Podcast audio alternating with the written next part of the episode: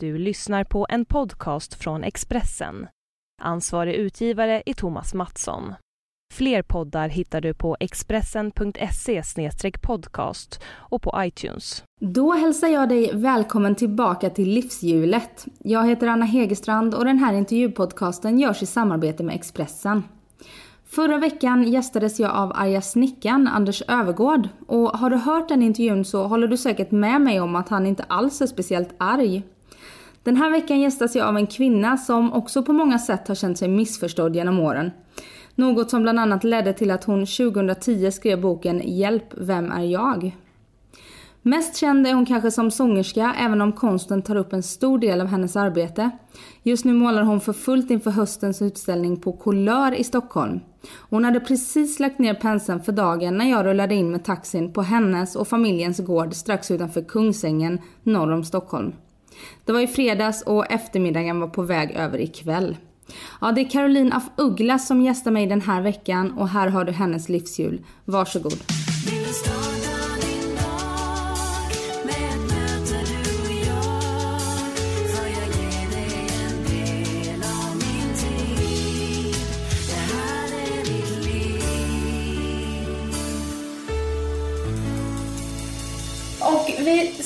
Här hemma hos dig på Öråkers gård. Mm. Och solen skiner idag, för det är vår. Ja, Det kan vi ju erkänna. det är vår men det är fortfarande kallt ute. Ja, det är det. Men jag måste säga att vi får inte klaga för att eh, det är på gång nu. Ja. Gillar du våren? Älskar våren, fast jag gillar nog ännu mer känslan av vad som komma skall. Fast å andra sidan så måste jag ju säga att när det väl är så att sommaren som man har längtat efter kommer så då blir jag alltid lite nervös att den ska ta slut. Så på så sätt är nog våren ändå det bästa, för det är ju förhoppningarnas tid och man känner lugnet. Att man har det bästa framför sig. Det är synd att det inte, alltså normalt sett så ska man ju leva i nuet. Men jag tror jag gillar känslan av att jag har det bästa kvar.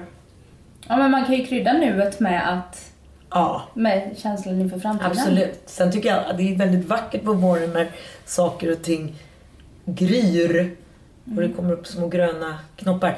Gud, jag sitter ju här med en klubba i handen. Och det är ju du med. Ja, men och det, Visst är det gott, men vi, vi säger till de som lyssnar att förlåt att vi smaskar lite. Det Ja. kan vi ju göra, så har vi åtminstone sagt det. Exakt, det är fredag. Då Ja. får man äta Då lakritsklubba. får man äta lakrits och sen var det ju lakritsdagen häromdagen. Var det? Ja, det var internationella lakritsdagen. Och då, jag och några ur min kör faktiskt, bildade en egen liten klubb som var Våga vägra lakrits just den dagen. Så en hel dag var vi utan lakrits. Vi är ju lakritsberoende allihopa. Så att så är det. Så att idag äntligen är det inte lakritsdagen och då får vi äta lakrits. Alla andra dagar utan lakritsdagen. Ja. Och eh, som sagt, om vi smaskar så vet ni vad det Vi är på. inte torra i munnen utan vi är bara godistroll. Ja, exakt. Och det är första gången sen säkert i somras som jag är utanför Expressens podcaststudio och gör en intervju. tror jag. Jaha, vad Sist var jag hos Elisabeth Höglund som också bor väldigt långt utanför Stockholm i skogen. Ja. Mm. Och nu så är jag här i, utanför Kungsängen. Du, normalt sett kommer folk till dig. Ja, Mm. I och med att vi har en studio och det är bra ljud och sådär. Precis. Men eftersom att du är mitt uppe i din målar... Ja, jag har ju Process. två liv kan man säga, eller fler. Eller just det, som är väldigt viktigt för mig är ju både musiken och eh, konsten. Och eh, man hinner ju inte med, så jag försöker ju måla så mycket som möjligt för att hinna med utställning som jag ska i höst. Och då måste jag måla varenda timme så det är svårt att sitta och åka. Så man är jätteglad när jag får besök. Mm. Du har en intensiv period nu.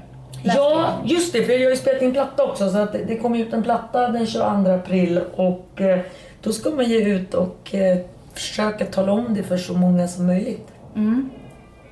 Och den här nya plattan, det är första på tre år. Jag vet inte, för jag har inte kollat det själv. Men om du säger så så kan det vara så. Kan det Jag vara vet att det? din senaste kom 2013. Är det 2016 nu? Ja, det är så? 2016 Ja, men det är ju perfekt. Det är ganska lagom egentligen. Är det det?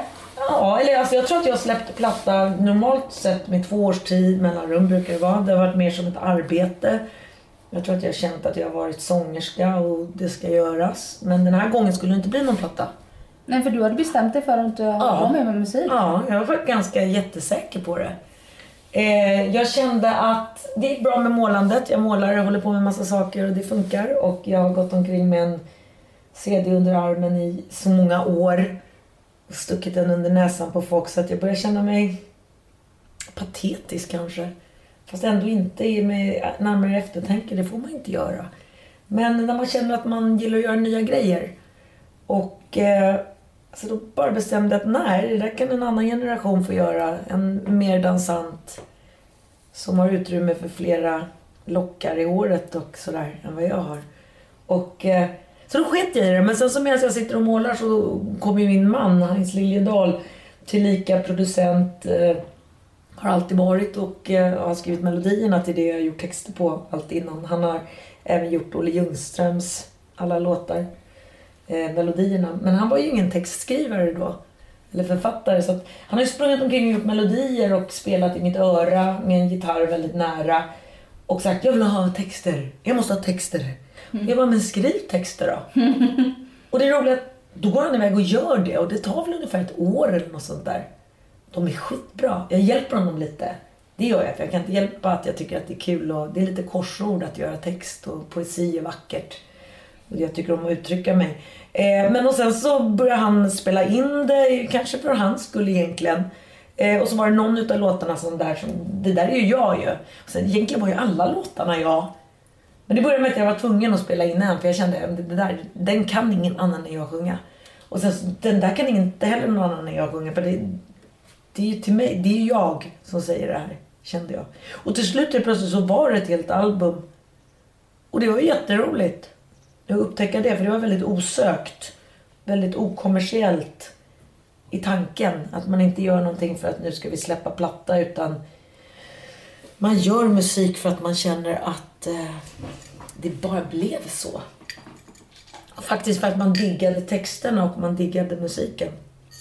Men då låter det som att du verkligen inte var klar med musiken när du bestämde dig för att sluta. Att det var Nej, såklart att jag inte var. Och jag, man blir inte som artist klar överhuvudtaget med artisteriet eller musiken eller med att måla. Man kan väl bara bli lite bitter i perioder. Alltså mig spelar det ju ingen roll för att jag har ju mitt målande. Och jag kan säga att hade jag inte haft målandet så hade inte jag kunnat peka finger åt musiken med sån lättvindlighet. Men i och med att jag har konsten och jag får liksom lite, jag kan leva på det, jag, jag får min uppmärksamhet och de applåder som gör att jag kan lägga mig. För vi är ju alla patetiska, sådana som vill ja, synas om man säger så. Det är barnet i en om man vill ändå någonstans att någon säger vad fin teckning du har gjort eller vilken fin sång du sjunger. Är det patetiskt? Ja, jag kan ju verkligen tycka att det kan vara patetiskt, verkligen. Och jag tycker faktiskt att jag kan få säga det också i och med att jag själv är så patetisk. Mm. Hade jag stått och sagt att andra är patetiska som gör sina danssteg, då hade ju jag varit patetisk. Jag kan inte gå och säga det om andra. Men det är klart att det här se mig, hör mig är väl ganska patetiskt. Det, det minst patetiska är att göra sitt jobb, vad det nu än är. Och det är det jag försöker uppfostra mina barn med att hitta ett jobb man tycker är ganska trevligt, ett jobb där man eh, hjälper andra människor. Man är en del i samhället, man eh, sköter, man klarar sig själv, man hjälper andra. Man är med i hjulet och man är en utav, jag tycker att just det där estradör, det är lite för mycket titta och lyssna på mig. Ja, men det är klart att det behövs ju kultur. Mm. Så börjar vi prata om det ännu mer så är det en jävla tur att det finns patetiska folk som jag och vi som vill eh, underhålla. Utan estradörer så hade det inte funnits någon kultur. Nej, det är klart att det inte hade. Så jag det... kan tycka att, att det är patetiskt folk som vill synas och höras. För du är ju sån där som... Du, det är ganska tydligt att du gillar att synas och höras. Och du oh. lever ut den sidan oh. av dig själv. Ja, och sen Medan... vet jag, om jag ska vara helt ärlig så vet jag inte egentligen om jag längre vill synas och höras egentligen. Utan jag vill jag tycker ju mest om att vara lite så här åsidosatt. Det är därför jag bor på landet. Mm. Sen måste jag säga att när jag går till stallet så blir jag jätteglad när jag hör att det kommer bilar. För att jag vill ju synas. Och jag vill se andra. Alltså jag är en social människa. Men det, det, det är ju inte så att jag hade eh, varit med på någon sån här... Jag, jag tror att det är en sida utav mitt jobb. Jag måste synas och höras för att visa att jag har mina tavlor, jag har min konst. Men jag har mognat så pass att jag, jag ser det patetiska i det och jag vill inte. Men jag älskar att svara på frågor och umgås med folk. Och jag tycker ändå att jag står för vissa saker som jag kan bjuda på och säga det i en mikrofon. Men det är fånigt. Men du sökte ju redan, redan som ung så gick du teater, teaterutbildning. Ja. Och drogs till det där. Mm. Så du tror att det är åren som har gjort att du har Säkert också, tryggare i att, dig själv? ja, men säkert också att få ha synts och eh, varit sånt. Och, och så märker man att det kanske inte... Man kanske inte blir en bättre människa av att folk lyssnar på en egentligen. Eh, det är inte riktigt det som är det viktiga. Det, alltså det är klart att jag blir glad när man får mail. Jag fick ett mail senast idag att det var någon som jag hade i stort sett räddat livet på. Eh, att hon hade lyssnat på min musik under hela... Och nu är hon 27 och eh, har lyckats. Och, ja, men hon har haft det jättesvårt och då blir man ju glad och då känner man ju såhär, ja men det kanske det är väl ändå det att man har hållit på med det man har gjort. Det var värt någonting. Jag vet inte vad det var du frågade innan. Att eh, med åldern att du har landat mer i dig själv och inte behöver den bekräftelsen utifrån. Ja! Och just det där att man, man får familj och barn också. Shit vad det mognar. Eh, man inser att det viktigaste är ju barnen, familjen. Men sen ska man ju skaffa mat på bordet och då ska ens yrke funka. Och det är klart att det är jätteviktigt. Och sen så är vi tillbaka till det lilla patetiska barnet i en. Och barnet i en är ju också konstnären för att det är ju det här lekfulla och påhittiga och den som vågar utan att eh, tänka att nej men varför? Man bara gör. Så att en sån sida har man ju. Mm. Och du, som sagt, du vågar leva ut den mer. Det känns som du skiter ganska hårt i vad folk tycker. Ja, alltså jag är ju tvungen att skita i, alltså jag jag, egentligen skiter jag ju inte i vad folk tycker. Jag önskar väl att jag var så här perfekt så att folk tyckte Gud som perfekt människa. Men jag har tillräckligt stort självförtroende att jag anser att mina effekter och andras effekter, eller rättare sagt andras defekter är effekterna. Mm. Det tycker jag är bra och då tycker jag att ja, men jag tar fanan där och baserar, basunerar ut mina fulheter och så känner folk igen sig i det. Man kan göra konst utav det. Och det är väl det någonstans man ska känna igen sig i och sen så då ska folk bli glada tycker jag. Så jag tror att det finns massa folk där som tycker att ja, men vad skönt att någon inte bara är perfekt i allting. Det måste finnas en ärlig sida också av konsten. Det, det är inte bara fest. Nej, tvärtom skulle jag säga. Men det finns ju bara en Carolina af Ugglas. Du är ganska unik i ditt uttryck. Men det finns ganska många andra, nu ska jag inte nämna några namn, men artister som Nej, och jag man lika väl skulle kunna ja, och då är det ju och, och när, jag, när du säger så, då tänker jag ju lite på fest och slager och dans och role models. Att man, så ska man dansa och Mm. man ska gärna vara snygg och det ska vara love me, love me och det ska vara... Men då tycker inte jag riktigt att det är konst utan då tycker jag att det är, att det är någon annan slags underhållning. Och det är inget fel med det. Men jag kan inte. Fy fan vad dålig jag är på sånt. Så att även om jag nu ville, så jag kan inte dansa och jag, och jag är inte tillräckligt snygg. Så att, eh, men ändå känner jag att jag vill ändå sjunga så att då får jag göra det. Och då får jag ta utav mina, min politiska poesi istället och försöka göra någonting utav det. Och nu så håller du på och laddar då med, med eh, att eh, måla för utställningen. Mm. Som hålls var? Jag kommer ha utställning, jag vet inte, men det är slutet utav eh, november. Eh, kanske sista helgen. Kanske, kanske helgen innan. Jag vet inte. På Colör i Stockholm. Och det ska vara en stor utställning och jag har inte haft någon utställning sedan ett halvår tillbaka. Jag såg du var med hos Malou. Ja. Efter tio pratade om Ja! clownnäsan. Ja, just det, precis. Mm. Är det din senaste utställning? Nej, det är det inte alls. Utan clownnäsan går ju med alltid i och med att jag har en clownnäsa tatuerad på ar- armen och det är väldigt politiskt för mig med det här med clownnäsa. Att jag, näsan är ju som en, ett skal, ett hårt skydd sådär man sätter på sig och så spelar man en roll. Men jag tycker att det är viktigt att man kan ta den av sig. Och jag tycker clownnäsan är positiv att ha.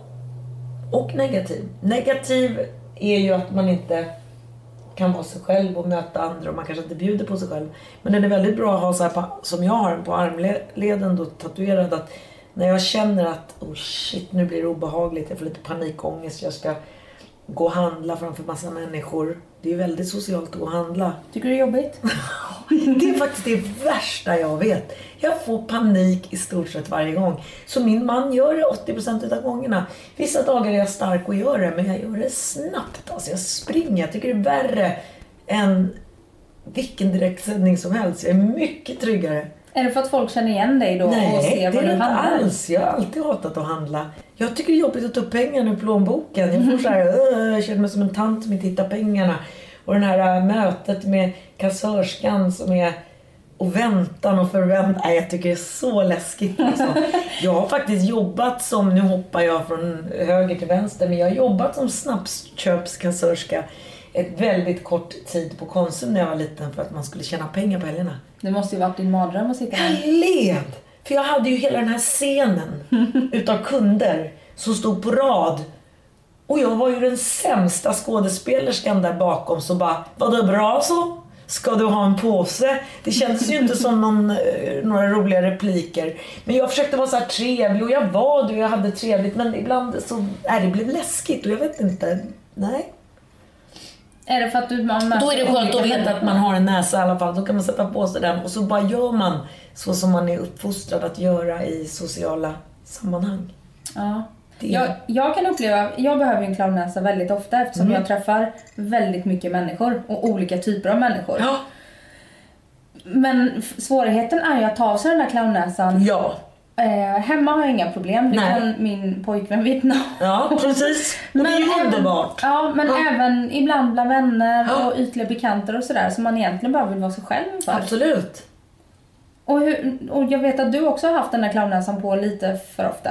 Ja, eller, ja eller, eller nej. Eller kanske det jag inte har. Eller jag vet inte. Jag kanske är dålig på att ha den. Det är kanske därför jag är så mm, friktions och marig. Alltså, det är kanske därför folk tycker att hon är annorlunda då. Och konstig eller något sånt där. Eller när jag var yngre så när jag var artist och så, men hon går väl på droger. Det har jag inte alls. Jag är ju nykterist, den största utav alla. Jag vågar ju inte ens dricka mig full för då har jag ingen clownnäsa kvar. Alltså min clownnäsa är ju så att spela vanlig. Bara försöka, jag vill ju bara vara en vanlig människa. Eh, Vill du det eller vill du det för att passa in? Men det alla vill vara, alltså man ska vilja vara en vanlig människa för att passa in. För att man vill ju inte hamna på dårhus och inte heller på bårhus. Så att någonstans så måste man ju eh, värdera hur man är som människa. Jag värderar hela tiden. Och det gör lätt att man tror sig bli, tro, eh, bli eh, tokig. Men nu är inte jag så rädd för det längre i och med att nu har jag gått till så många psykologer och jag har pratat om mig själv och jag har skrivit bok om det här och vi har diskuterat och allting. Om att eh, så länge man går omkring och tror att man håller på att bli tokig så är man på rätt sida. För den dag man slutar väga om man är tokig eller inte, det är då man kanske är tokig. För att- man inte har någon självinsikt. Ja, ingen självinsikt. De tokarna går inte omkring och känner här, är jag normal? De är ju bara bäst, tror de. Så skönt. Så jävla skönt för dem, men så jobbigt kanske för alla andra. Och någonstans så känner jag ändå att jag tar hellre demonerna inom mig än att de skvätter ur mig mot andra. Så är det ju. Man vill ju vara trivsam. Vad har du för demoner inom dig? Ja, men jag har ångest.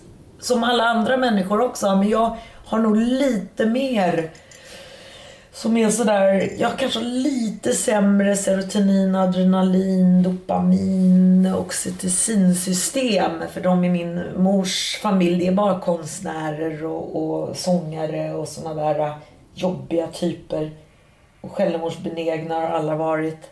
Och eh, är man sån så har man lite, alltså ångest, ren och skär ångest. Det är sån där ångest som man inte kan ta på. Man kan inte gå till psykologen och säga jag blev slagen, någon var dum. Nu vill jag prata av mig. Utan man vaknar upp en dag så det gör jätteont i bröstet och det känns som någon har dött. Smärtan är lika stor som ens närmsta har dött och man måste hela tiden tala om för sig själv, nej men alla lever. alla mår bra. Och allting är bra. Och jag har lärt mig jättebra att tala om för mig själv. Och sen får jag bara såna här cirka tre dagar har jag upptäckt varannan, var tredje månad. Det klarar man ju. Men jag har ju haft en gång när jag var yngre en period på två år. Då kallas det för att man är deprimerad. Och man är ju jävligt rädd för att hamna i en sån. Så har man en gång varit i gropen så är man ju livrädd när man liksom börjar balansera sig lite på kanten. Men samtidigt så tror jag att man har en insikt, har man, man har varit där, man har också tagit sig ur. Och sen har jag lärt mig allt det där med att sova mycket, äta bra, inte dricka mig full. Jag har så många knep att röra på sig som gör att jag håller mig på rätt sida. Så jag tror att jag är, är, jag känner mig så jävla sane. Men fråga mig om en månad, en dålig dag, så kanske jag börjar gråta när du ställer samma fråga. Eller så får du inte ens komma in, för att jag vill inte visa mig för någon. Men det händer inte så ofta. Så jag kan skoja om det. Är det inte lite läskigt att bjuda hem mig nu? Nu har jag ändå åkt ganska länge. Ja. Du vet ju inte vad du har för dag.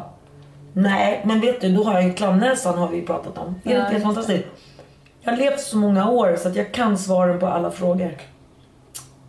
Klokhet va? Mm, det är Så det kan ju jag och det är en clownnäsa och det måste man ju kunna. Och den klokheten som jag kan lura i dig, eller bandspelaren, kan ju också lura i mig själv. Det jag svarar på dig, det är ju en sanning. Och den sanningen, den finns ju där bakom ångesten. Så någonstans så har man ju både en elaka demoner och eh, snälla demoner likväl som goda och snälla bakterier. Det gäller väl bara att man inte ska få de elaka att överta. Men de eh, snälla är faktiskt starkare. Och klokare framförallt. Det är de som är sanna. Det är det som är så, så fantastiskt. Det måste man ju lära sig förstå. Så jag tycker mest det är synd om ungdomar och som... Ja, men jag, jag hade det svårt när jag var ung. Och jag förstår att många... Det är jobbigt tills man blir 40. Eh, Ja, men men, sen- du hade en bra barndom vad jag förstår. Ja, fantastiskt. Och det är det så hela grejen är. Att jag, jag kan inte sitta där och beskylla mina föräldrar. Jag tror mycket av psykologin handlar om att man ska beskylla föräldrarna för saker och ting. Vilket kanske funkar till 50%. Det kanske är så att man kan det. Men samtidigt så hade det för mig varit väldigt skönt om jag hade några föräldrar att skylla på. Men jag kan inte. De har inte gjort något annat än att kanske varit lite för goda mot mig. Vilket har gjort att de har målat upp att världen ska vara ganska lätt. Och sen så har jag helt plötsligt, de gav mig jättebra självförtroende. Och att jag kunde ju nästan Caroline erövra den. Och sen så helt plötsligt blir man 18 och bara upptäcker att men shit, jag är inte bättre än någon annan. Antingen är det aspositivt att ge den självkänslan till sina barn eller så är det negativt. Det vet jag inte. Men jag behöver inte värdera det jag kan bara tänka det. Men det är inte de som har gjort att jag har fått ångest. Utan ångesten är, jo det är klart att det kanske är min mamma då eftersom det kommer från hennes sida. Alla Men det är genetiskt där. Hon kan inte. Genetiskt. Hon kan inte hjälpa det. Och min mamma hade ingen ångest själv. Hon var en av de få som klarade sig. Så att hon har inte fört över något på mig. Utan hon, hon har haft väldigt lätt. Och sen har hon varit väldigt bra för mig och lyssnat i och med att hon har haft det på sina bröder och sin pappa. Så hon har förstått att jag har varit allvarlig. Hon har inte klappat mig på huvudet och bara så är lilla gumman, det går över. Utan hon har lyssnat och förstått att jag faktiskt har mått dåligt på riktigt. Men det har, så har det inte varit sedan man har fått egna barn. Nej, det har jag förstått nu när jag väntar min Ja. första lilla att eh, man hittar andra prioriteringar i livet. man börjar se livet på ett annat ja. sätt. Ja, det är väldigt underbart. Det, det är faktiskt egentligen, jag, jag förstår verkligen att barn är meningen med livet. För det, det gör ju verkligen att man lägger sig själv åt sidan. Och man mår ju faktiskt dåligt om man är för självupptagen tror jag. Eh, sen är det jävligt synd att man ska lägga allt det på barnen då. För det blir ju precis i den värld vi lever i och det är krig och grejer. Man har ju jättemycket ångest över barnen också. Man är så rädd att de ska göra sig illa eller att de ska må dåligt. Men det är ju en slags kanalisering utav ångesten och man, man kan ändå förstå att man kan vara orolig för sina barn. Men det är ju värre att gå omkring och bara vara orolig och inte veta varför. Nej, precis. Inte ha något att ta på. Är du orolig att det här ska gå igen i dina barn? Ja, det är jag ju. Nu, nu har jag ju parat mig med en stabilare typ så att Heinz har inte. Men om man tittar tillbaka, han har också massa konstiga konstnärer på sin sida som har lite så här.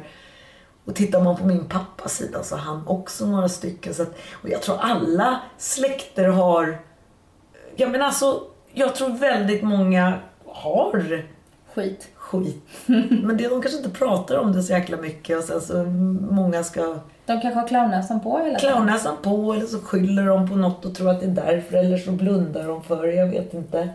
Men jag, jag har mer, jag har mer spröten ute känslor. Jag, jag känner värme, jag känner kyla, jag känner väldigt mycket lukter, jag känner smärta, jag känner eh, när det luktar gott, äckligt, eh, hårt, mjukt. Alltså det är väldigt, jag, jag tycker det är helt fantastiskt med kontrapunkt. Jag tycker det är underbart åt alla hållen. Men det är lika jävligt som det är fantastiskt. Så det måste slå hela tiden, för slår det inte då är det inget. Tror jag. Då undrar jag, hur tror du att du är att leva med? För din stabila man. Jag tror faktiskt att eh, jag fick höra det av mina före detta pojkvänner som var så trötta på mig i perioder. Men eh, de hade hört att, av sina föräldrar att ja, men hon kan nog vara jobbig. Men tänk på att du kommer nog aldrig få tråkigt med henne. Nej. Så det var därför de stannade kvar, för det var ju alltid lite kul. Jag är inte så jätteseg. Nej. Nej. Och det väl bra. Och sen så har ju jag... Eh, Förutom de dagarna då när du ligger i ångest. nej, jag är inte ens seg då. Är du inte det? Nej, jag är inte det. Jag har ju liksom inte...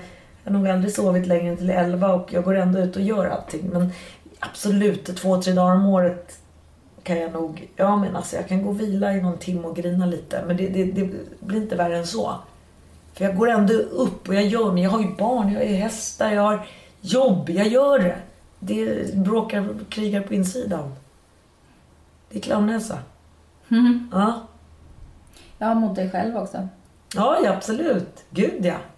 Och, den, och, och det är därför jag säger att den är så bra. Så det är en sån fruktansvärd trygghet. Jag älskar min clownnäsa. Men jag tycker att den är vidrig när folk har på sig den hela tiden.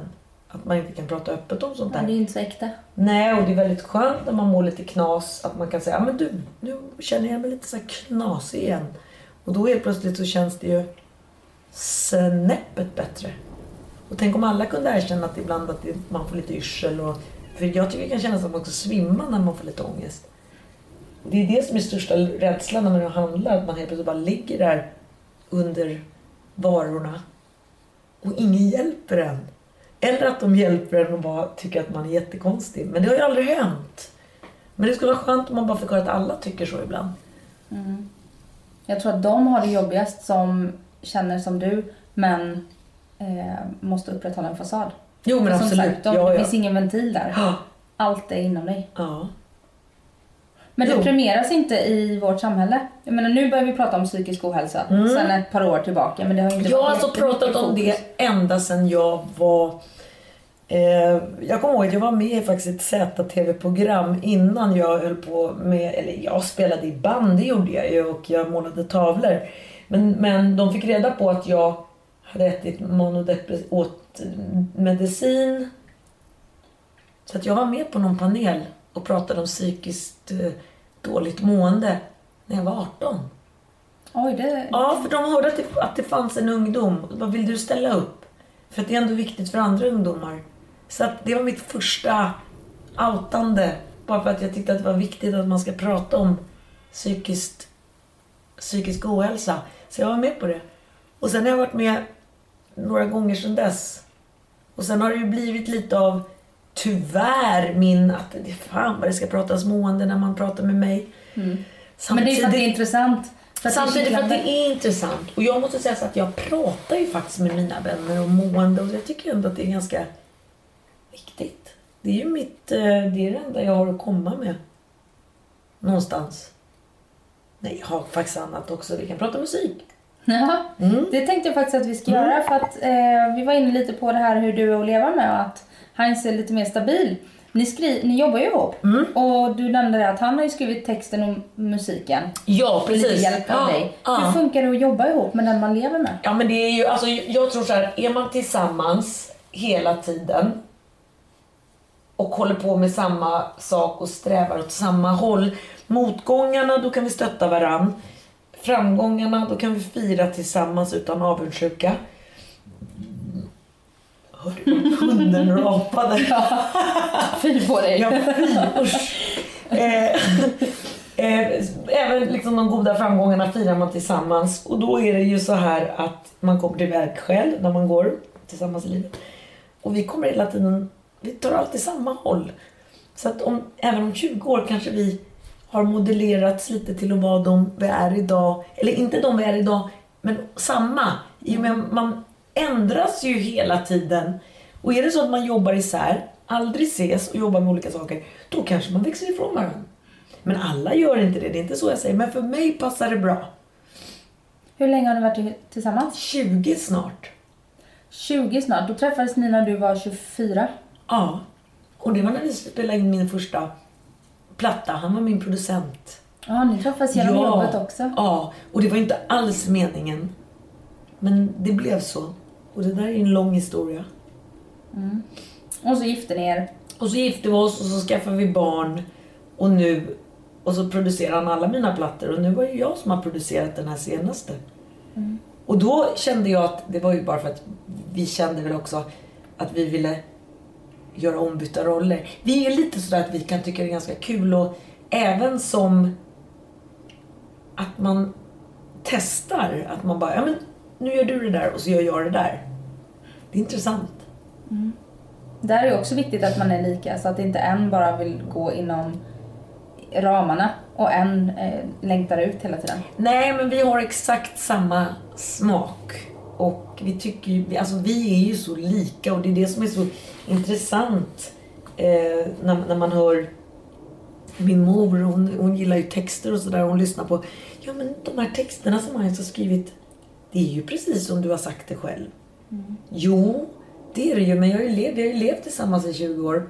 Och vi har samma vardagspoesi. Vi pratar ju med varandra och jag ser upp till honom.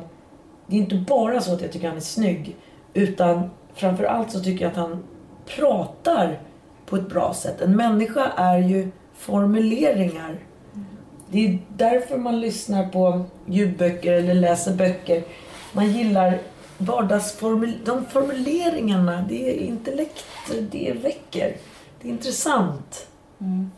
Och han eh, uttrycker sig väl. Och jag tror att vi uttrycker oss lite lika och går igång på varandras. Sen kan det finnas någon som tycker att vi är fullständigt tomma och spåniga. Men it takes one to know one och han och jag tycker lite mm. samma. Och sen har vi samma musiksmak rakt igenom. Och det är också så intressant. Är det viktigt? Ja, jag tror det.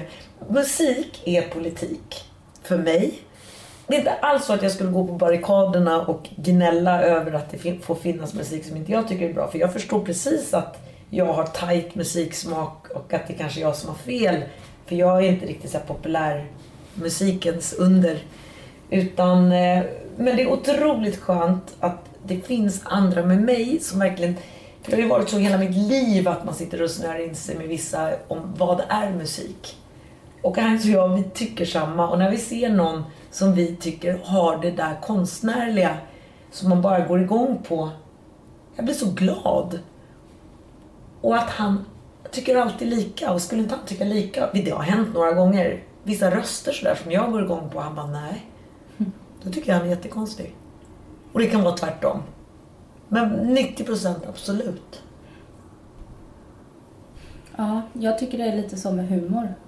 Exakt samma grej. Det hemliga språket liksom, ja. det här man har. Ja, det är exakt samma grej. Mm. Det är också politik ju. Ja. ja, verkligen. Mm.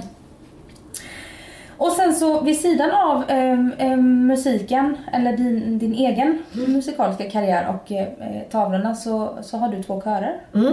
Tillsammans med din mamma. Nej. nej. Eller nej. Alltså min mor, hon startade kören för, alltså det är 20 år sedan tror jag snart. Mm. Och eh, jag var där och hjälpte henne lite grann.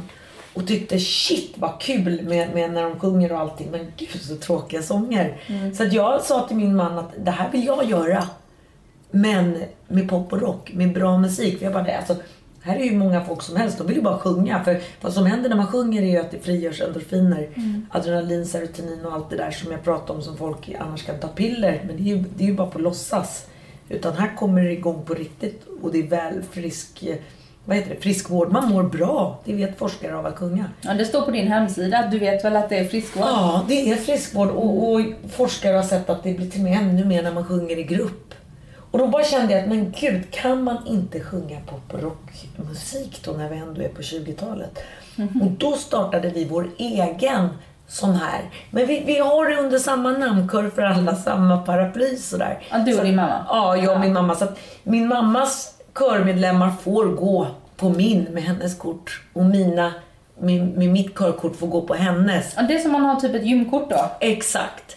Så we're family. Men, men jag kan säga att det, nog, det, det, det, det finns nog en 30-40 stycken som faktiskt går på båda. För de är så otroligt glada i att sjunga. Så de sjunger hela tiden. Och alla är välkomna även om man inte kan sjunga. Ja, och så lär man sig sjunga framför allt. Kan man det? Ja, det kan Yes. man. Yes. Och jag måste ju säga att det är ju 10 000 gånger roligare att jobba med någon som tror sig inte kunna sjunga och upptäcka att den kan sjunga. Och jag har ju jobbat som eh, privatlärare också, sjungit med, med enstaka fall. Och ofta är det de, de som tycker att de är jätteduktiga och är ganska duktiga, de, man slipar på dem, det gör man ju. Men de intressantaste fallen är ju de som man har ibland tänkt, shit, kommer det här gå? Och sen när det går och så kryper det fram något väldigt extra bra konstnär, nä, nu konstnärligt, jag kan inte prata, konstnärligt unikt. Björk, PJ Harvey. Ja men sådär original. Det är så att absolut alla kan och ju, ju knasigare man själv tror att man kanske har en röst desto mer intressant. Men sen finns det något som heter teknik och det lär vi ut ganska lätt. Och sen så en sak som jag faktiskt inte visste innan jag började eh, söka runt på dig, det är ju att du är upphovsman till körslaget. Ja, men det ligger ju under samma Ja. Och, och det var ju någon... Jag kom faktiskt till och med ihåg det. Det var jävligt dåligt väder, regnig höst i november. Och jag började min kör, hade jag i Philadelphia kyrkan. ja. Och vi var väl... Nej men det är där jag är nu. Förlåt. På Nu- Rörstrandsgatan ja. i Stockholm. Nu är vi nämligen 1300 på Rör- Rörstrandsgatan. Värsta halleluja moment, jättekör. Jag började på... Nej men vad heter det? Franschartau gymnasium. Vad heter det? Franschartas gymnasium. Där började jag ha min kör i en aula. Och då var vi 200 pers i början. Och jag kände så här, fy fan vad det här är kul. Och folk var så glada, du vet. De kände för Berit och Sven, kom, eller Sven och Åke kom fram och sa att åh min fru har blivit så snäll sen hon började i kören just i och med att det frigörs endorfiner och hon blir glad. Och jag kommer ihåg att jag sitter och pratar med min man, vi måste få ut det här. Du vet, hela, hela Sverige måste ju sjunga och måste förstå att eh, körsång är inte mesigt. Alltså, vi är på 2000-talet och körsång är inte ute i min hage eller bara klassisk pretentiös musik. Utan, Man tänker ju kyrkan och Gud. Ja. Och det är ju hemskt för man har ju fått sången för att leka sig själv. Det frigörs endorfiner. Då, då måste vi ju liksom börja predika med pop och rock, liksom attityd. Sjunger för att det är kul. Eh, så att då, hur kommer man ut? Jo, vi måste göra ett tv-program. Det är det enda sättet för att uppfostra folk. Och jag tror faktiskt att det har haft ett bra syfte. Jag tror att det finns mycket mindre småkörer och mycket mer, att de har dragit in mycket mer populärmusik i det att det är mer sådär. Man kan faktiskt sjunga vad som helst i en kör. Sa att jag ville få bort det här nördstämpeln. Jag tror att jag lyckas lite. Och sen så har ju jättemånga kommit till min kör så man har ju märkt att alla kan sjunga. Det har blivit större och flera farbröder som kommer och tackar vid slutkonserterna. För vi har ju så här slutkonserter. Vi har i år på Dalhalla. Vi hade förra året på Dalhalla också. Vi har varit på Hovet och Cirkus och på olika ställen. Vi ska sjunga på Kungens födelsedag i Stockholm nu också. Och, fo- och folk tycker att det är så jävla kul med uppträdanden och vi har någonting att jobba för. Men det, det bästa då, inte bara känslan av att de sköter sig, att det låter jäkligt snyggt. Så är det ju när anhöriga kommer fram till dem och tackar. Inte bara när de kommer fram och säger jag blir så lycklig av att sjunga utan jag, min fru, har blivit så trevlig sen hon började sjunga. Då är det ju på riktigt. Mm. Är Du är ju nästan terapeut där ju. ja, helt fantastiskt. Terapi. Ja men absolut. Sång är ju, och varför sjunger man i kyrkan? Det är väl klart att det handlar om frigörelse utav endorfiner. Inte bara att prata om Gud. Nej. Hur många länder har körslaget sålts till nu? Det vet inte jag, för jag har inte räknat. Men, men det måste väl vara en 15 kanske? Det började i USA och det var Finland och Italien och Spanien och... Är du, Ja, men eh, massa. är du förvånad att det gick så bra eller kände du att direkt att nej, men det är klart Ja, det är klart. Nej, det är klart att jag var förvånad. Jag hade väl inte från början tänkt att det skulle säljas överhuvudtaget i andra länder. Utan jag tänkte väl först och främst mitt eget land. Det är min familj. Och eh, så jag gick och sålde in det på ett eh, tv-bolag som heter Friday Television. Där jag råkade dessutom känna en tjej sådär. Så jag gick upp och så satte vi ihop en eh, trailer tillsammans med min kör. Vi kunde göra det jättesnabbt och så drog de ner till, är det Midem eller Cannes eller TV-mässan. Ja, det kan jag. Ja, och så säljer de in det. I Sverige vill inte ha det för det det är för stor apparat och för mycket folk så de tror inte på det som koncept. Men i och med att, eh, jag tror att det var BBC, BBC som tog den först. Men det blev ingenting. Så att, eh, men efter, helt plötsligt efter ett halv, nej efter två år är det tror jag. Då ringer och ska bjuda ner oss på Clash of Choirs. Och då är det ABC. Då har de köpt den av BBC och satt upp den. Med Michael Bolton och massa människor. Och vi blev nerbjudna dit. Men det gick ju inte för de ringer och bjuder oss två veckor innan och då hade vi något annat gig. Men det var jättefjäder i hatten. Det var jätte, jättekul. Och Ja, coolt att USA tog det innan Mycket. Sverige. Ja. Och faktiskt den första programidé vad jag har hört som USA har köpt utav Sverige. ja, det är så. Ja. Och jag vet att du inte gillar att prata pengar men det måste ju ändå ha gett lite klirr i kassan. Nej, men många bäckar små bygger en konstnärs å. Alltså, det är väldigt, när man dealar med USA kan man ju faktiskt säga då att de hade ju ett exakt liknande projekt samtidigt. Va? Så, vi fick Såklart. ju, ja, så vi fick ju välja, antingen skulle de ta deras som hade lite skillnader eller så tog de vårt och vi får den här delen utav kakan. Mm. Men jag, jag ska inte klaga för att jag ska vara glad att jag får något överhuvudtaget. Ja, det är som stimpengar kan man säga. Absolut, och många i den här, jag har ju kommit, kommit på, man kommer på idéer i tv-branschen och det mesta går ju via mun till någon annan mun och den tror att den kom på idén. Så man ska vara jätteglad att man inte bara har kommit med en idé utan att man faktiskt får lite utdelning också. Ja. Ja, de har ju hört mycket folk som snor andras idéer. Ja, som blir av med. Absolut. Eh, annars, vad betyder pengar för dig? Ehm, alltså det är ju en viss frihet och mat. Eh, att kunna ge mat till sina barn, att kunna köpa ekologiskt, att eh, trygghet, trygghet. Jag vet att man blir inte lyckligare utav pengar, det vet jag. För det har jag både läst och nästan känt efter själv. Lycka kommer ju inifrån. Det är ju mer, har ju mer med serotonin att göra tror jag. Jag upplever själv att när jag tjänar mer pengar, jag är ju frilans, och det går ju upp och det går ner. Ja. Jag blir mer stressad när jag tjänar mer pengar. Intressant. Mm. Jag mår bra när jag håller en Det är klart att pengar är ju Ja. upp till en viss nivå så blir man ju lycklig av det. Ja. Men överflödet, det är... ehm, Nej, men det, Det är nästan bara ja, jobbigt. och jag, tror, jag tror att så länge man klarar sig och inte... Jag, jag tror att... Jag tror inte man blir lycklig av pengar, men jag tror att man kan bli olycklig helt utan. Ja, gud ja. Ja, för det måste vara en otrolig stress att inte kunna köpa mat till sina barn eller kläder så att de kan se ut som de andra barnen. Så att det, det viktiga är nog att man har så att det går runt och tak över huvudet och så. Och sen så kan det nog absolut bli en stress. Men Är du stressad över pengar?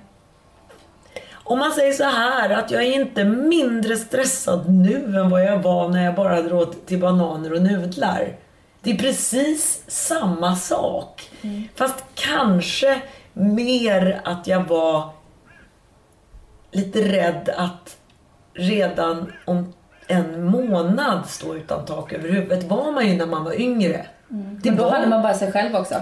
Ja, fast det var inte bara så. För att jag måste säga att jag var nog så pass fattig ända fram till mitt barn, första barn var ett år, två år. Jag bodde i en stuga, en timmerstuga med Heinz. Och vi fick hela tiden precis ihop det. Och vi kunde verkligen sitta på kvällarna och bara, nej men shit nu går det ju inte längre. Nu måste vi ha ett, någon av oss måste göra någonting. Taxi, ringa i Heta linjen eller bli någon sån här, ja men du vet. När man bara, någonting måste vi göra bara för att få lite till så att vi har fått modigt att, att våga skaffa barn. Var det planerat? Alltså nej, för sånt kan man ju inte planera. Jag hade ju sagt att jag inte skulle ha barn för att jag är ju alltid antingen eller och sen så helt plötsligt blir min eh, syster med barn och så säger min man Jaha, hon kan åtminstone bli med barn. Hon ja, för att han vill ju ha ett till barn. Var det en katt som grät där? Jag, tror det var fönstret va? För det lät faktiskt som någon grät. Eh, han ville ju ha ett barn till för han hade ju redan ett barn. Ja, sen innan. Ja, så jag hade en styrdotter och hon var sex och han tyckte väl att vad fan, han kan väl ha syskon till henne. Men jag förstod ju inte det. Men sen då helt plötsligt när syrran så bara okej då. Så då sket jag att ta mitt p-piller och då var jag med barn efter några dagar.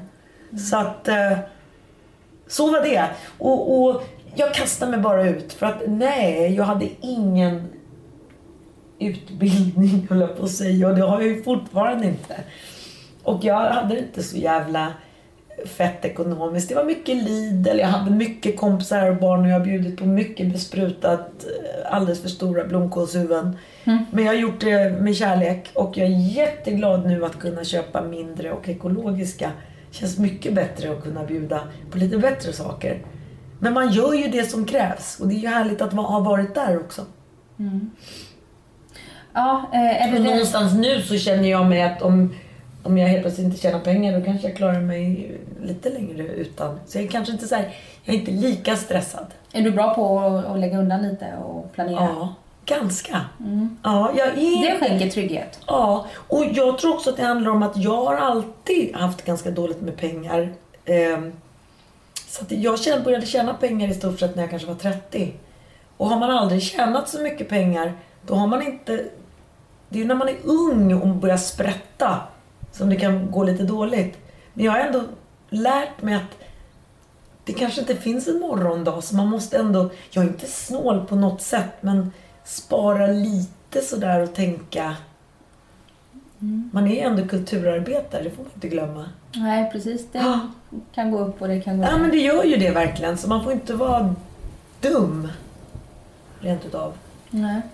Men det du köper för dina pengar det är ekologisk mat och du, är- du är ingen prylbög. Look around. ja, det finns lite prylar här. Det finns lite prylare. Jag tycker om vackra saker. Det gör man ju. Men, men jag är inte pryl. Alltså, det är inte så här att nej, jag har inte någonsin köpt ett smycke för eh, 40 000. Jag håller inte på så. Jag, jag, jag, nej, jag har inte kommit dit än. Jag, fick en gång låna en ring som var värd 100 000 av en kompis. Oj, Med massa dia- diamanter på. Helt fascinerande faktiskt. vad lånar du den till? Nej, för hon bad mig att jag skulle ha på mig den på ett eh, tv-program. Du vet, produktplacering. Och det var det vackraste jag haft. Och innan jag lämnade tillbaka den så tog jag faktiskt en ridtur med ringen. Och bara galopperade över fälten. Och det är första gången som jag insåg att jag hade nog kunnat ha den där. För att den var så vacker. Den gnistrade som ett träd i vinternatten när du kommer körande med lyserna. Och jag älskar det för jag brukar stanna och titta på snökristaller. Och diamanter är vackra. Men eh, nej, jag köper inte det. Alltså, jag går hellre då och ger pengar till välgörenhet. För att jag har en sån här, att jag kan inte, jag är inte riktigt där än. Och jag vet inte om jag någonsin kommer komma dit. Och då undrar jag, för jag ser ju du har ju ingen vigselring på dig. Nej, jag har en vigselring där uppe men den, är, den väger ju säkert eh, två kilo. Det är Ernst som har gjort den. Den är så stor. Ja, Man kan pussas igenom den. Ja, alltså, jag gillar inte små saker och jag förlägger små saker. Och eh, jag tycker den är ball den där stora ringen. mm. Men du har den när, inte när du målar direkt då? Eh, nej, och jag, man har den inte. Den står faktiskt i vårt sovrum. Det, det är en vacker kul- skulptur i bladguld. Ja, Som Ernst Billgren har gjort? Billgren har gjort. Så den får du kolla på. Ja, verkligen. Eh, och när vi ändå var inne på det här med ekologiskt och grejer. Du, du nämnde ju att eh, du dricker väldigt lite, sover, ser till att sova och sådär. Hur, eh, hur känns kroppen? Det är så svårt att säga för att alla smärtor börjar ju någonstans vid 39 va? Eh, men det kunde ju varit värre, så kan man säga. Nej men det känns ju, alltså, det, jag tycker ju fruktansvärt ont överallt men fy fan vilka volter jag kan göra nästan. Alltså jag är ganska, nej men jag, det är ingen fara. Du känns som en sån här liten spänstig Jag är liten och spänstig och stark och kan komma in i de flesta hörn och springa snabbt och allting. Men det gör ont. Men det har alltid gjort ont på mig för jag är en sån där känsla, alltså jag känner det vi pratar om. Jag känner mina eh, nerver. De är överallt. Men eh, nej, men det känns bra och jag tycker faktiskt att jag kanske äter lite för mycket godis. Sockret är väl min drog så jag ska inte sitta och säga att jag är perfekt alltså. Men jag är ju laktosintolerant, jag tål inte mjölkprodukter. Alltså den nya religionen går ju via magen Mm. nu för tiden. Eh, det är olika koster som kommer och eh, Clownnäsan Vi- har satt sig på Klar, det. ja, liksom. eller hur? Och eh, eh, bröd leder till döden och allt det där. Det är ganska kul. Eh, och jag har ju gått på en hel del utav det här. Så jag aktar mig lite för mjöl. Men jag äter i kognitivt syfte minst en gång i veckan. Faktiskt. Det var någon guru som sa till mig att varje gång du äter det så har du förstört två veckor. Och då måste jag säga att jag förstör mina veckor hela tiden. Men det är rent kognitivt för jag vill inte liksom... Men däremot, jag mår inte bra utav mjöl så att jag äter inte så ofta. Och sen är jag laktosintolerant och vilket gör att jag inte äter det. Då blir det väldigt mycket grönsaker och eh, proteiner och eh, man blir väldigt stark och pigg utav det. Sen blir det lite för mycket socker men tungan måste ju också ha lite makt. Ja, exakt. Mm. Tungan ska ha sitt. Tungan ska ha sitt. Men du har inte varit full på snart 20 år. Nej. Eh, Men jag, dricker ändå... varje dag nästan. Ja. Eh, jag vet inte om det är för mycket eller om det är lagom. Det är jätteintressant det här med alkohol, tycker jag också. Det står ju så mycket om alkohol. Men de flesta säger ju att ett glas om dagen till ett och ett halvt ska vara så nyttigt för blodflödet och blodfetter. Och medelhavsdieten ska vara så bra. Och det är ju det jag gärna vill ta till mig för att jag, tungan är väldigt intresserad utav rödvin min. Mm. Helt ointresserad utav alla andra spritsorter så jag säger nej tack. Så det handlar inte om att känna eh, av alkoholen. För jag tycker, jag gillar ju kontroll och jag är rädd för att bli full. Men rödvin är så här, åh, helt, det är det bästa jag vet förutom mörk choklad. Så att, eh, och då blir det ett och ett halvt glas om dagen ungefär. För mer klarar inte jag, för sen känner jag. Jag vill inte dricka mer än att jag känner. Men då blir det ju två viner i veckan va? Men det är nog bättre, jag vet inte, vad blir det? Ett och ett halvt om dagen, det blir tre Det känns, jag har inte druckit sen i november. Ja, men jag skulle nog säga att det blir cirka det ja. Ja. Tre, ja, det borde bli två viner i veckan. Och det är ju medelhavsdieten och det ska ju vara bra. Och jag vill nog ändå tro och hoppas på att det faktiskt är så att det är nyttigt att dricka på det sättet. För jag tror inte att det är bra att dra varje lördag två viner och sen vara vit. Nej. Jag tror att det är bättre att... På tal om ångest också, den ångesten som kommer Ja, men jag kan inte ta dag, nej, och jag kan inte ta den ångesten dagen efter. För sist jag drack mig full och hade ångest, det var när jag var 25 och jag kommer ihåg hur jag låg på, i duschen. Men jag ligger ner på duschen där och så låter det varma vattnet strila över mig och bara aldrig mer. Och det var verkligen så. Det var sista gången jag mådde så jävla dåligt. Och jag tänker inte göra det mot mig själv. För att sådär skit kan man få må ändå ibland. Men det ska inte jag ha åsamkat mig, Nej. tycker jag. Nej, jag vet själv när jag, om man dricker. Mm. Nu är jag ganska sådär måttfull. För jag känner också, ja, jag är jättelätt påverkad. Men dagen efter kan man ju må skit ändå. Mm. Ja, och den där kemiska ångesten. Ja. Och man vet, precis som du säger det här, att alla lever, det är ingenting, ingen arbetsgivare Ja. kommer sparka dig. Nej, och den ångesten kan man ju då förklara för en som inte har haft den här val- vanliga bondångesten som, som jag har då, många med mig. Det är samma sorts ångest. Det är precis samma sorts ångest när det är där att inte ryggen fri, någonting jävlas med en. Det kryper i kroppen. Ja, och den får jag automatiskt ändå. Alltså inte fasen kommer jag späda på den genom att dricka mig full dagen innan. Nej. Och liksom, tänk om man skulle dricka sig full sam, dagen innan en sån dag skulle komma av sig själv, en ångestdag. Jag vet inte vad som skulle hända. Är dubbelt upp där. Förstår du den? Nej, den vill jag inte ens möta. Nej. Eh, 2010 så skrev du boken, eller det släpptes boken Hjälp, vem är jag?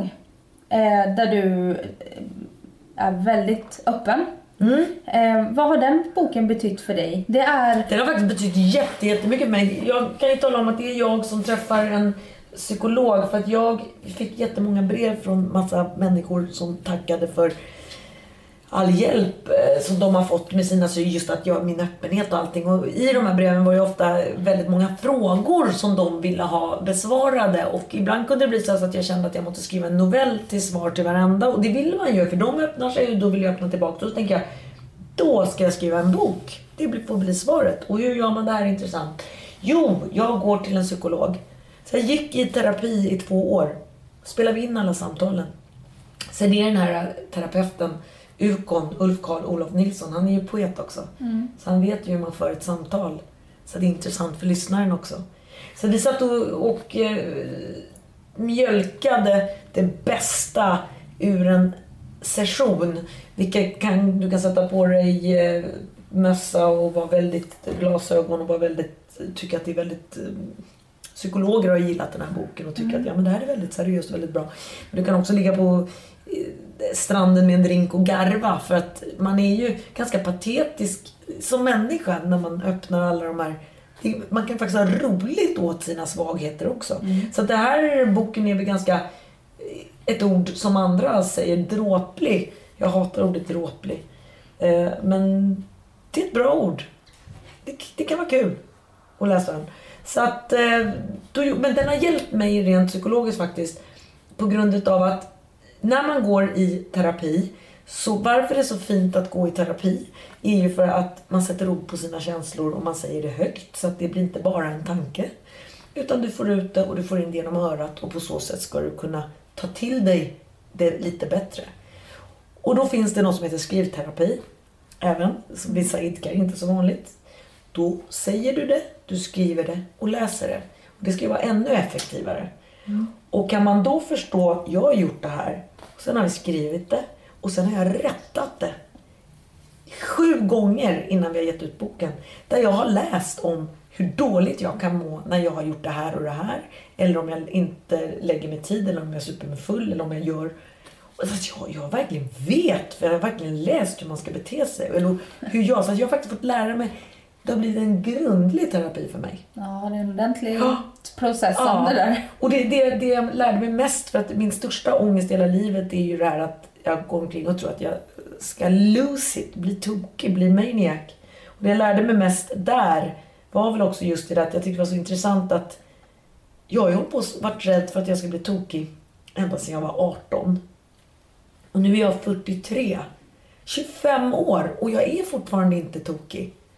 Så att jag kommer ju säkert vid 60 år sitta och ha samma demoner och samma rädslor.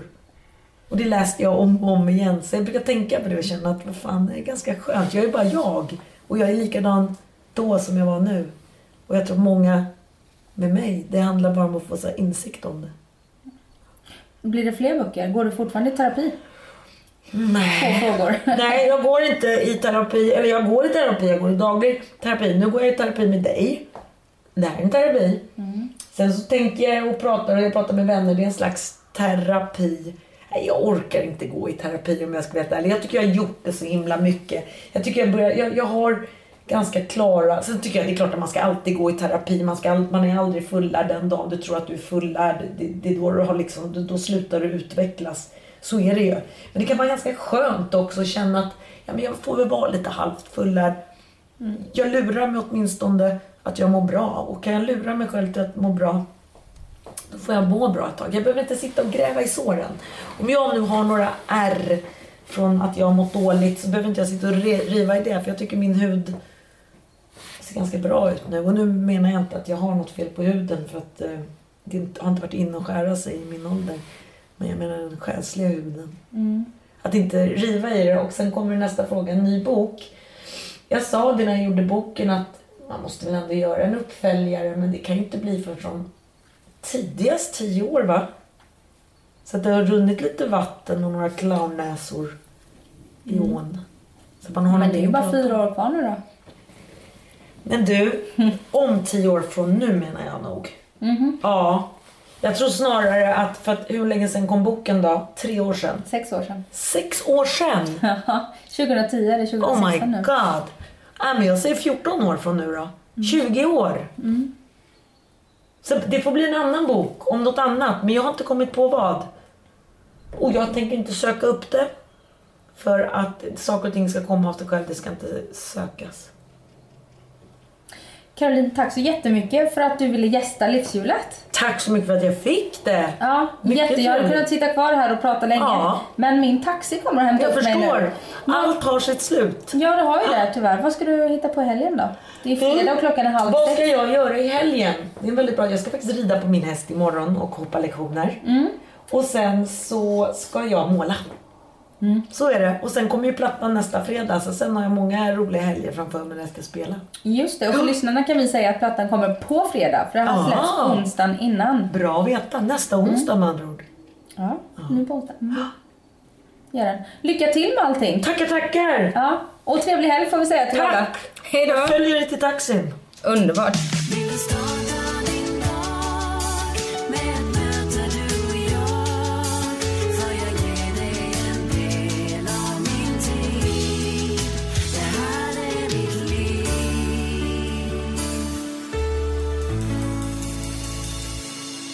Har lyssnat på en podcast från Expressen. Ansvarig utgivare är Thomas Mattsson. Fler poddar hittar du på expressen.se podcast och på iTunes.